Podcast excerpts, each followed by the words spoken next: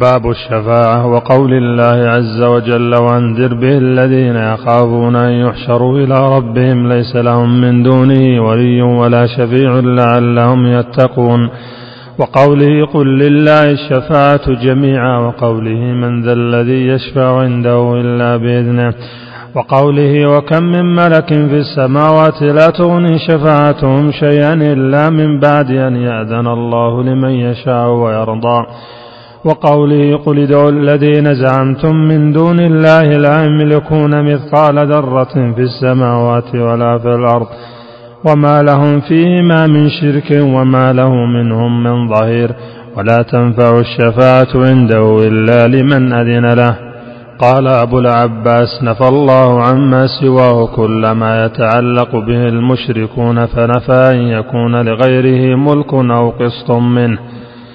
أو يكون عونا لله ولم يبغ إلا الشفاعة فبين أنها لا تنفع إلا لمن أذن له الرب كما قال تعالى ولا يشفعون إلا لمن ارتضى فهذه الشفاعة التي يظنها المشركون هي منتفية يوم القيامة كما نفاها القرآن وأخبر النبي صلى الله عليه وسلم أنه يأتي فيسجد لربه ويحمده.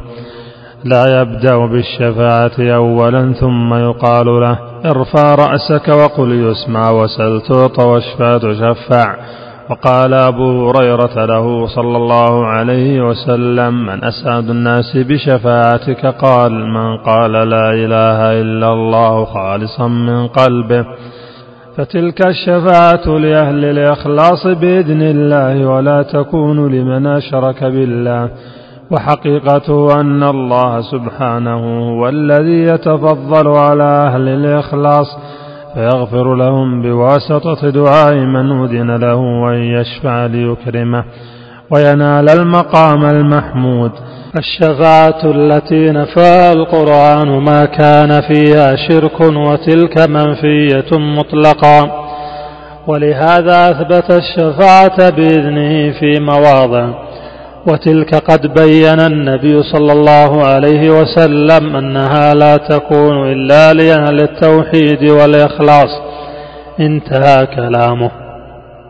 فيه مسائل الأولى تفسير الآيات الثانية صفة الشفاعة المنفية الثالثة صفة الشفاعة المثبتة الرابعة ذكر الشفاعة الكبرى وهي المقام المحمود الخامسة صفة ما يفعله صلى الله عليه وسلم أنه لا يبدأ بالشفاعة بل يسجد فإذا أذن له شفع السادسة من أسعد الناس بها.